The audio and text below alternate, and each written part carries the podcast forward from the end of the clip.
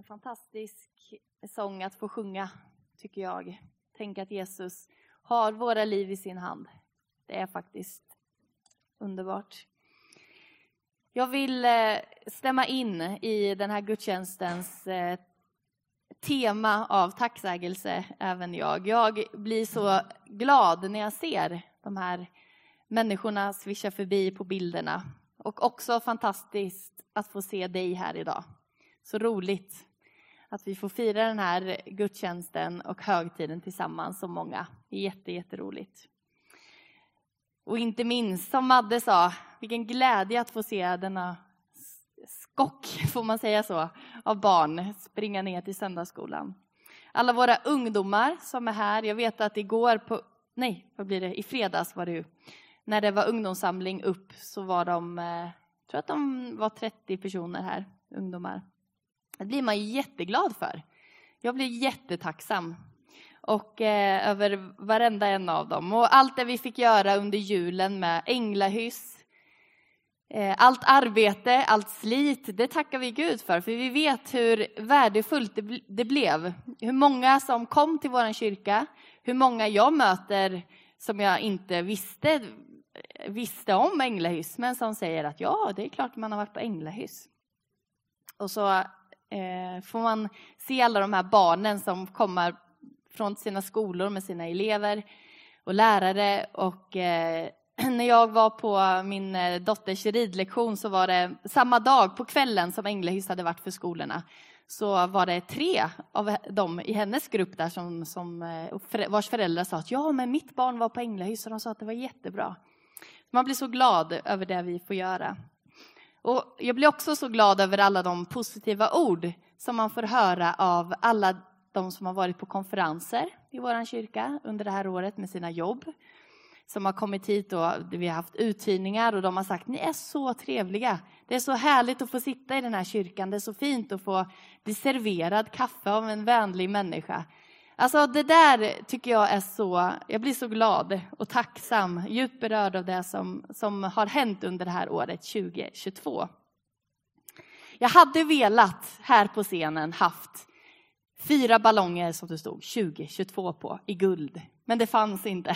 Jag försökte hitta, men de var slut. Kanske för att det inte är 2022 längre. Ehm, men eh, ni får visualisera denna, denna bild. Jag, åtminstone att få känna att man får fira. Att få fira allt det som har hänt och allt det vi har gjort. Eh, men vi vet ju också att vi kan inte tacka Gud för allt som har hänt det här året. Det är mycket som vi har varit med om, som vi har tagit del av på våra nyhetssändningar, eh, på sociala medier. Vi har liksom fyllts av, av rapporter om elände, kan man säga, runt om i den här världen och nära oss i Europa.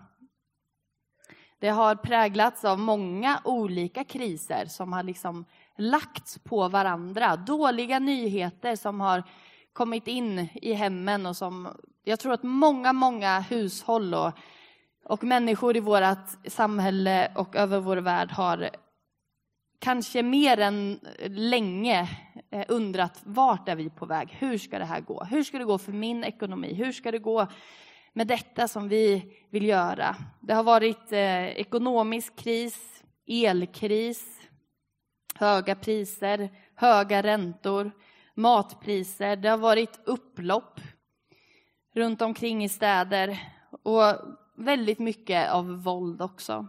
Och när vi ser på det här så ser vi ju, det finns mycket elände, det finns mycket ondska, mycket saker som, som händer i, i vår värld och det är inte Gud som ligger bakom och därför tackar vi inte heller för det. Men det jag kan tacka för mitt i detta, det är att Gud har satt sin församling, sin kropp i den här världen att göra gott. Att motverka allt det där onda som händer. Och att han har sagt att vi ska få vara ett ljus i en mörk värld. Och det kan jag tacka Gud för. För jag ser det. Jag ser det när vi möter människor och när vi som kyrka också får proklamera någonting annat. Alltså vi får tala om hoppet mitt i mörkret. Vi får tala om ljuset. Vi får tala om det som vi människor kan göra för varandra av goda gärningar och, och mycket annat. Så det finns mycket att tacka för, även om världen ser ut som den gör. Vi hörde ju förut en tacksägelsebön av Josianne och Anders. Och eh, eh, jublade och eh, sa att hon hade varit på en internationell konferens. Och den har jag också varit på den här veckan. Så jag är lika glad som, eh, som hon och vi, vi hade glädjen vi i pastorsteamet och jag vill säga tack till er försam, till eh, församlingen för att vi hade möjlighet att åka på den konferensen. Det är en, en eh, år, årlig sådan, den återkommer varje år, men nu har det inte varit på tre år, så vi var vi längtade efter att få komma hit, att få mm, till Stockholm och få möta alla våra kollegor över hela Sverige. Men i år så var det lite speciellt för det var eh, Pingstpastor International, A Decade of Revival var temat. Och eh, jag tror, vi var 650 svenskar. Eh, pastorer då från Sverige, men så var det 200 internationella också. Det var så fantastiskt. Det var som att eh, vi, ja men det var liksom som himlen lite så här, alla nationaliteter. Såklart inte alla över hela världen, men jag tror att det var hundra olika nationaliteter samlade. Och eh, vi hade fått glädjen att bjuda in våra eh, samarbetspartners alltså över världen. Så i våran kyrka här så bjöd vi med eh, våra missionärer ifrån Tyskland, Nathalie och Mikael, som också var här förra söndagen, för dig som var här och kunde lyssna till den predikan. Så jag har inte pratat så mycket tyska, eh, men vi har pratat mer engelska. Men jag har försökt i alla fall lite. Mika är ganska bra på tyska faktiskt, så han, han kunde göra det. Och William också. Men det var åtminstone, det var liksom hela den här atmosfären av, eh, av eh, gemenskap, gemenskap som var väldigt, väldigt fin. Så jag är väldigt glad för det. Eh, det var, det var fint att få sjunga lovsång tillsammans på olika språk. Det var fint att få höra eh, den ukrainska pingstledaren komma och berätta om hur kyrkorna i Ukraina hur, hur det har förändrat deras arbete, vad de har sett att de har för uppgifter, hur, stor, hur stort arbete de har gjort och hur mycket de har fått lida. Att få be för dem och att få höra doktor Dennis Mukwege som är eh, som ni, en del av er kanske också hörde på Nyhetsmorgon när han var med och blev intervjuad i SVT, tror jag att det var. Och eh, få berätta om det arbetet som görs i, eh, i Kongo.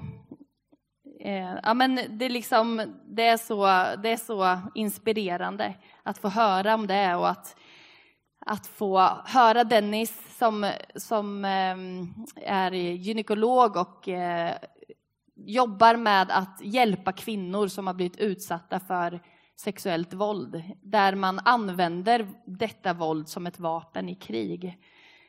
Ehm, och på något sätt så, och han, han sa, eh, Dennis sa till oss svenska pastorer att Eh, kyrkan ska vara en röst för rättvisa. Kyrkan ska vara en röst för dem som lider. En påminnelse om vårt stora uppdrag. I en värld som lider så ska vi stå upp för människor som drabbas. Och han sa att ni har inte samma utmaningar som, som vi har, men ni har utmaningar. Och så nämnde han våld i nära relationer. En sån sak som vi har sett på nära håll i Motala under det här året. Kvinnor som till och med dödas och som inte eh, får leva det liv som de är värda att leva. Eh, och mycket annat. Vi har mycket gängkriminalitet i vårt land. Det finns, finns saker som kyrkan ska vara en röst liksom för rättvisa och för människor. Och, och det, var, det är också viktigt att få höra det här, för att det är ett budskap som visar oss vårt stora uppdrag, så att vi inte fastnar i de liksom här och nu i det som kan uppta så mycket fokus, utan att komma ihåg, det här är den stora bilden. Vi är kallade av Gud för ett stort uppdrag. På den här konferensen så var det också så att vi fick höra den sista dagen om en uppmaning till djupare kärlek som heter The Stockholm Call. Och den, den är en gemensam uppmaning till alla kyrkor runt om i pingsrörelsen runt om i världen. Och jag vill läsa den för er. En djupare kärlek till Gud. Vi vill vara ett folk av bön, fasta och tillbedjan. Vi vill att våra kyrkor ska vara bönens hus för alla människor och att de gåvor som ges när man får kraft av den heliga Ande förankrade i Bibeln tas tillvara där. En djupare kärlek till människor och ett stärkt förvaltarskap av Guds skapelse. Vi vill se ett socialt engagemang, tro på Gud för ett förvandlat Sverige, för rättvisa, fred, respekt för mänsklig värdighet samt en bättre förvaltarskap av Guds vackra skapelse. Genom att utrusta, sända ut och bekräfta varje person i församlingen vill vi se ett förnyat förverkligande av Guds rike som går framåt med rättfärdighet, fred och glädje och där Andens rörelse bland, de, bland alla troende erkänns. Ett stärkt lokal församling. Vi tror på den lokala församlingen som Guds främsta redskap för att bringa frälsning till jordens yttersta gräns. Vi vill nå flera av de minst nådda folkgrupperna under de kommande åren och se nya församlingar planteras bland dem. I församlingen möter vi Gud, betjänar människor med behov och når ut i världen. Medlemmarna i våra kyrkor bör vara utrustade för att kunna tjäna Gud i sin vardag. Ett perspektiv för nästa generation. Vi vill som pingsförsamlingar vi som pingsförsamlingar bör särskilt ta hand om våra barn och ungdomar. Vi vill se dem blomma ut i glädje. Vi vill se att varje lokal församling ska vara engagerad i sin barn och ungdomsverksamhet, där både unga män och kvinnor stärks och frigörs som ledare. Att se församlingsplantering som normalt. Under de kommande tio åren behöver vi se en expansion när det gäller församlingsplantering. Varje lokal församling och nationell rörelse behöver arbeta med expansion och prioritera detta. Ett fast och varmt ledarskap. Dagens utmaningar kräver ett andligt ledarskap som styrs av bibliska intentioner. Vi vill vara bärare av en sund pingsteologi med fokus på Jesus som frälsare, andedöpare, helgare och den kung som kommer åter. I ödmjuka men brinnande hjärtan. Många ord, eh, och du snappade säkert inte upp alla dem, men hjärtat i detta, hjärtat i den här bönen och i den här gemensamma eh, längtan som finns i detta, det är att få vara ett verkligt ljus och salt för den här världen. Att få se hur kyrkan får inta sin plats som en viktig plats i att verka för rättvisa och fred och, och eh, allt detta. Jag vill läsa dagens bibelord som jag vill predika över också. Och det är ett bibelord som många gånger under förra veckan när vi var iväg lästes. Och det kom fram på olika sätt av olika människor som inte hade liksom, relation till varandra och inte visste om att den andra skulle läsa detta. Men eh, jag blev så berörd av, av detta, av budskapet i den här bibeltexten, så jag vill läsa den också idag. Och säga någonting om vad jag tror att det handlar om, vad jag tror att det har med oss att göra, både som församling men också på individnivå till dig och mig som personer. Och det är från Lukas 4. Herrens ande är över mig, ty han har smort mig att frambära ett glädjebud till de fattiga. Han har sänt mig att förkunna befrielse för de fångna och syn för de blinda. Att ge de förtryckta frihet och förkunna ett nådens år från Herren. Det är Jesus som talar de här orden han eh, gör det när han... Eh, man, ger honom, man ger honom Jesaja bokrulle och så läser han ifrån, ifrån Jesaja 61. Det här är ett citat ifrån Gamla testamentet. Och så läser Jesus det och så säger han att det här handlar om mig. Han visar att det här, de här orden kommer gå i uppfyllelse. De här orden, det är min programförklaring. Lite som politiker vi ger sin programförklaring eller parti så säger Jesus det här, det här är det som är det viktigaste. Det här är vad jag ska göra. Och därför så tänker jag, vi som församling, precis som Anders bad i sin bön förut, vi är Kristi kropp. Och eh, eftersom Jesus hade den här, den här eh, missionen, eftersom Jesus hade så tydligt detta som prioritet och som mål, så har vi också det. Det är så. Jesus mål och vision och mission, det är också våran. I första Korintierbrevet 12 så står det att vi är Kristi kropp. Och därför så är det så. Därför så har vi samma uppdrag, tänker jag. Och eh,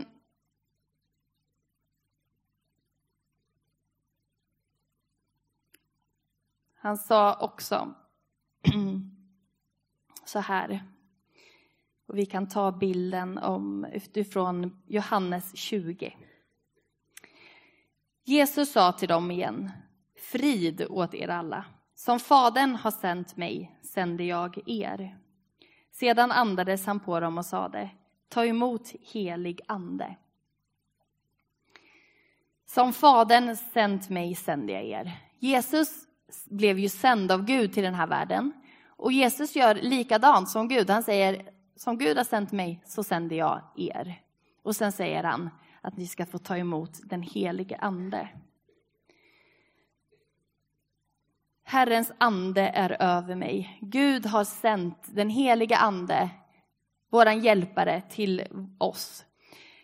Anden som är kraften, anden som ger Eh, visionen, anden som ger motivationen att göra någonting, att få kunna vara den där eh, kraften i den här världen.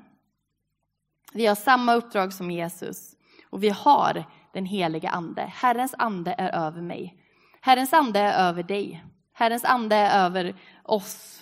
Och därför så, så har vi all möjlighet att göra någonting. Men vi kan inte göra det i vår egen kraft. Det går inte. Vi kan inte göra det för att vi är duktiga. Vi kan inte göra det för att vi har det eller det eller det, för att vi har ekonomi eller för att vi har eh, erfarenhet. Det handlar inte om det. Utan jag tror att Jesus säger så här, det är så viktigt. Herrens ande är över mig, han har smort mig. Det är det första och det viktigaste. Vi kan inte göra någonting utan anden. Vi kan läsa ifrån Apostlagärningarna 1 och 8. Men när, men när den heliga ande kommer över er ska ni få kraft och bli mina vittnen i Jerusalem, i hela Judeen och Samarien och ända till jordens yttersta gräns. Vi ska få kraft. Det är ett löfte. Det är ett löfte från Gud och det är ett löfte från Jesus. Och anden är mycket, mycket mer än bara en kraft eller en liksom känsla. När jag var yngre så var det nog så jag associerade den heliga ande. För det var så jag hade hört att man pratade om den heliga ande. Det är liksom någonting som man, eh, som man känner och som man märker och så är det lite härligt sådär. Men jag märker att när jag läser Bibeln så har den heliga anden så mycket större vision än bara att göra det liksom gott för oss. Han vill, den heliga ande liksom har som uppgift att driva oss ut, inte att sitta kvar i kyrkan och, och känna att det är härligt med den heliga ande, utan anden hela tiden gör att vi vill möta andra människor med, med budskapet om Jesus. Så var det för de första lärjungarna när de fick den helige ande på pingstdagen. Då satt de i rummet och det hade de ju fått eh, uppgift att de skulle göra. De skulle vänta på den helige ande. Men när de hade fått den helige ande, då bara verkade det som att de sprang ut därifrån, från det här rummet. De liksom ville berätta för, för världen att vem Jesus är.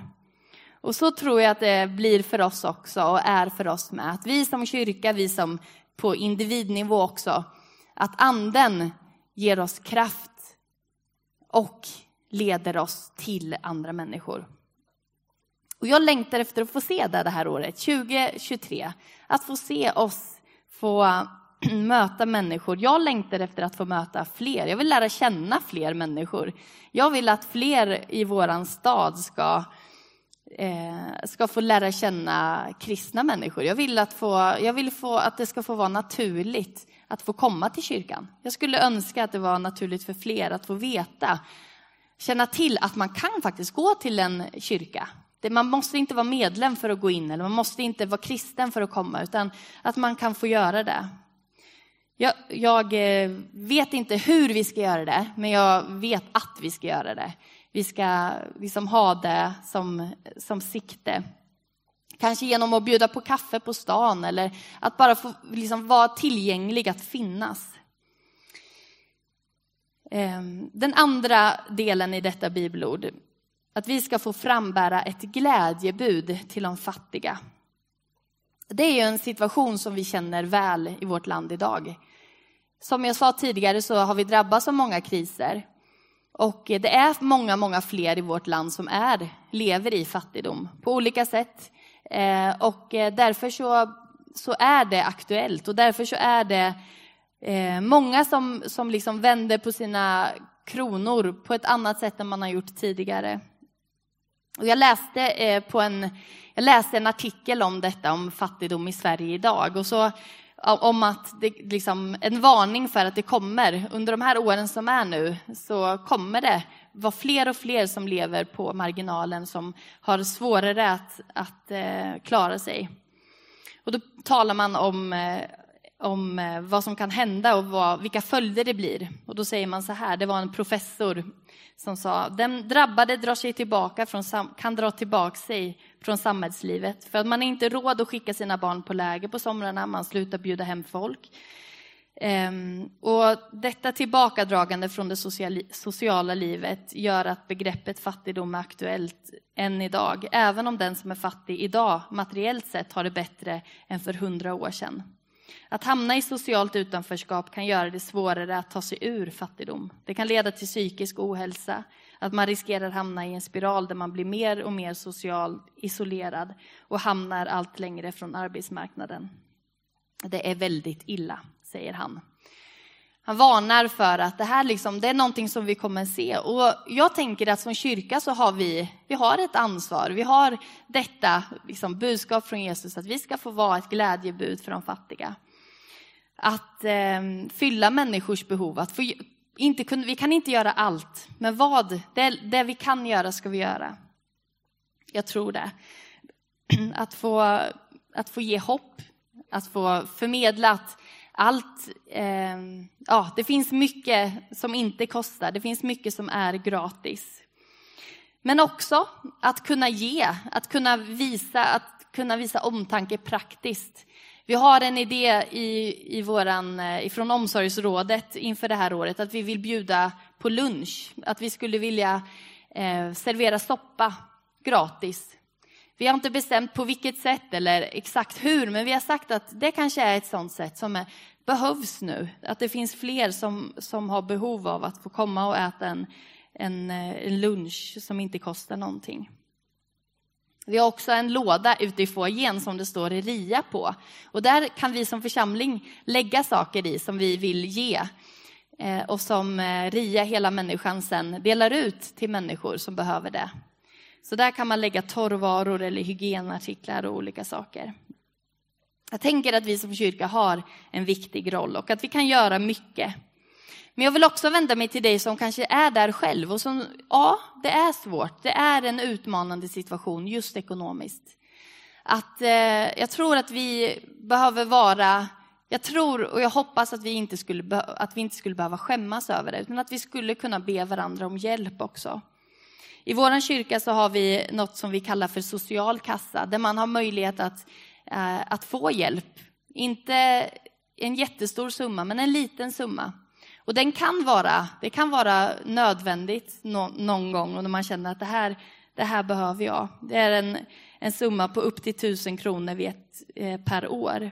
Och jag tänker att det kanske låter som att det, kan, det är inte så mycket, men det kan vara livsavgörande vid något tillfälle. Och jag skulle önska att, vi inte skulle, att det inte skulle vara så långt till att be om hjälp, utan att vi kan göra det. Och det är ingen skam i att behöva be om hjälp.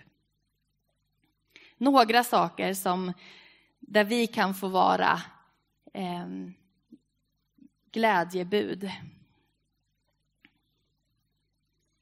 Sen så är ju det kristna budskapet i detta så viktigt också, att även om jag är fattig, även om det finns behov, så vet jag att Jesus och nåden och frälsningen, den är gratis. Och att kunna komma till Jesus, att kunna komma och eh, att han faktiskt är den största rikedomen, det är också ett glädjebud som är viktigt. Att det eviga livet, att frälsningen, det kostar ingenting. Det andra Jesus säger det är att vi ska förkunna befrielse för de fångna och förtryckta. Och att vara fången innebär att man inte är fri. Och de flesta av oss är ju fria i den meningen att vi kan gå vart vi vill. Men det finns andra slags fångenskaper som, som inte syns på utsidan, men vi kanske Många människor idag är faktiskt inte fria. Det finns mycket, till exempel problematik av olika saker. Fler och fler saker som man kan vara beroende av och som gör att man inte är fri. Och jag tänker att Jesus har möjlighet att befria oss. Jag tänker att jag är helt säker på att Jesus har den kraften som behövs för oss när vi känner att nej, det går inte, jag klarar mig inte, jag kan inte det här. Då kan Jesus hjälpa. Och vi kan hjälpa människor, vi kan få vara, en, eh, vi kan få vara ett hopp och en röst av att få se någonting nytt. Att inte behöva känna att det är kört. Och jag tänker även där med skam, att det är mycket skambelagt att, att eh, inte klara av någonting, att inte kunna göra det man kanske vill. Men, eh, men det är så fint, vi ska ju fira nattvard idag och jag tänker att det är ett tydligt tecken Jesus har tagit all skam. Han har tagit, eh, han har tagit, när han dog på korset så gjorde han det möjligt för oss att bara kunna säga tack. Vi behöver inte förtjäna Jesus. Vi behöver inte ha gjort oss förtjänta av frälsningen eller av nåden. Utan vi får bara komma och ta emot. Och det gäller dig också. Han förlåter oss och han befriar oss. Och den befrielsen, från mina egna synder, från det som jag känner att det här gör jag men det har jag inte velat eller det här ligger, i min, det här ligger bakom mig och det påminner mig och det drar ner mig. Du kan bli befriad ifrån det. Att be Jesus om förlåtelse befriar. Och det är ett budskap som alla behöver. Det är ett budskap som jag behöver, det är ett budskap som du behöver. Det är ett budskap som alla människor i Motala behöver. Att få känna det, tänk att jag är förlåten. Tänk att jag kan få bli förlåten. Jag kan be Jesus om förlåtelse. Jag kan bli fri. Det sista Jesus säger, det är att han vill att vi ska förkunna syn för de blinda eller ett ge syn för de blinda. Jesus botade ju människor. Eh, det, det, kan vi läsa om i Bibeln, att han möter människor med olika behov och så ger han dem både syn tillbaka, men han, han botar människor från olika slags sjukdomar. Och det där är, det är så konkret ju och så praktiskt för honom. Han kunde göra det. Men faktum är att Jesus har ju sagt att vi också kan göra det. Han har sagt att samma saker som jag har gjort kan ni göra. Visserligen så kan vi sitta och tänka, men går det verkligen? Och, är, och så kanske vi har exempel där det inte har gått. Och så är det. Det är inte så att det alltid, att vi alltid blir friska när vi ber om det. Det är inte så. Och vi vet inte hur det är eller hur det fungerar alltid. Men jag märker att Jesus ger sådana där nådetecken ibland. Han, han gör saker, han, han gör under. Eh, och på den här Gå tillbaka till pastorskonferensen så mötte eh, Josiane och Mika mötte en pastor från, vart var han ifrån? Liberia. Och han hade med sig sina röntgenplåtar, eller bilder på, på hur hans kropp hade sett ut. Den var, hade varit full av cancer. Och så kom han helt lycklig och bara, jag har blivit helad. Kolla här, så här såg det ut i min kropp förut. Och vad jag förstod eh, Mikael Josian så var det, han var verkligen, hans kropp var full av cancer. Och han strålade. Och jag tänker, det kan, det kan ske. Jesus kan göra det. Och det där är inget annat än nåd. Ingen av oss kan, kan bemästra helande och säga att jo, men ja, om jag ber så blir det. Det är nåd. Det är Jesus som helar, det är Jesus som botar. Men vad, vad kan vi göra? Jo, vi kan faktiskt be. Vi kan i ödmjukhet komma till Jesus och säga Gud, hjälp oss med det här. Den här människan, vi ber att du ska möta. Det kan vi göra och det ska vi göra. Ehm, så att vi kan få be om syn för de blinda och för våra behov. Att få vara en församling som kommer till Jesus med alla slags behov. Och vi har ju förbön i våra gudstjänster alltid. Och det har vi alltid för att vi vet och vi vill att det ska vara naturligt. Vi vill att det ska få vara en, en sak som, vi, som man kan få göra. Jag säger, kan inte du be för mig? Och det är inget konstigt. Det är det mest naturliga. Och jag önskar att det här året som ligger framför, att vi skulle få se mycket av, av Guds ingripande i våra liv. Att vi kunde få säga och höra att det här har Jesus gjort i mitt liv. Och låt oss få tro på och ha, ha hopp om ett nådens år från Herren. Precis som Jesus säger. 2023, det året som ligger framför. Att vi får be om ett nådens år. Att Jesus får möta oss. Att han får, i din situation där du är i ditt liv just nu, att du kan få säga att här, här finns Jesus. Jesus visar sig på olika sätt för oss, på olika, vart vi är i livet och vilka vi är. Men han vill visa sig för dig, han vill möta dig. Jag är helt övertygad. Till sist och som avslutning eh, i den här predikan. Så i församlingsledningen under året som gick 2022 så sa vi att vi ville vi vill vara en öppen församling. Vi pratade om det och vi bad för det. Vi vill vara en öppen församling, som, en församling som är öppen för Gud, som är öppen för vårt samhälle, som är öppen för varandra, för gemenskap och är öppen för nya generationer. Och eh, vi inför året nu när vi skulle göra en planering och budget och verksamhetsplaner så landade vi i följande verksamhetsplan. Och det här blev som en liten avsmalning av, av, eh, ja, av dessa ord att vara en öppen församling. Och jag vill läsa det. Jesus har kallat församlingen att vara hans kropp i den värld vi lever i, för att visa människor på hans kärlek. Och därför vill vi vara en församling som präglas av öppenhet.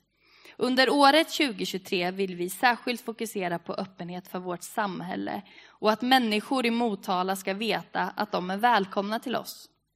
Vi önskar att församlingens verksamhet ska vara inkluderande mot nya, att det skapas nya mötesplatser i vår kyrka dit det är enkelt att ta med sig vänner och bekanta.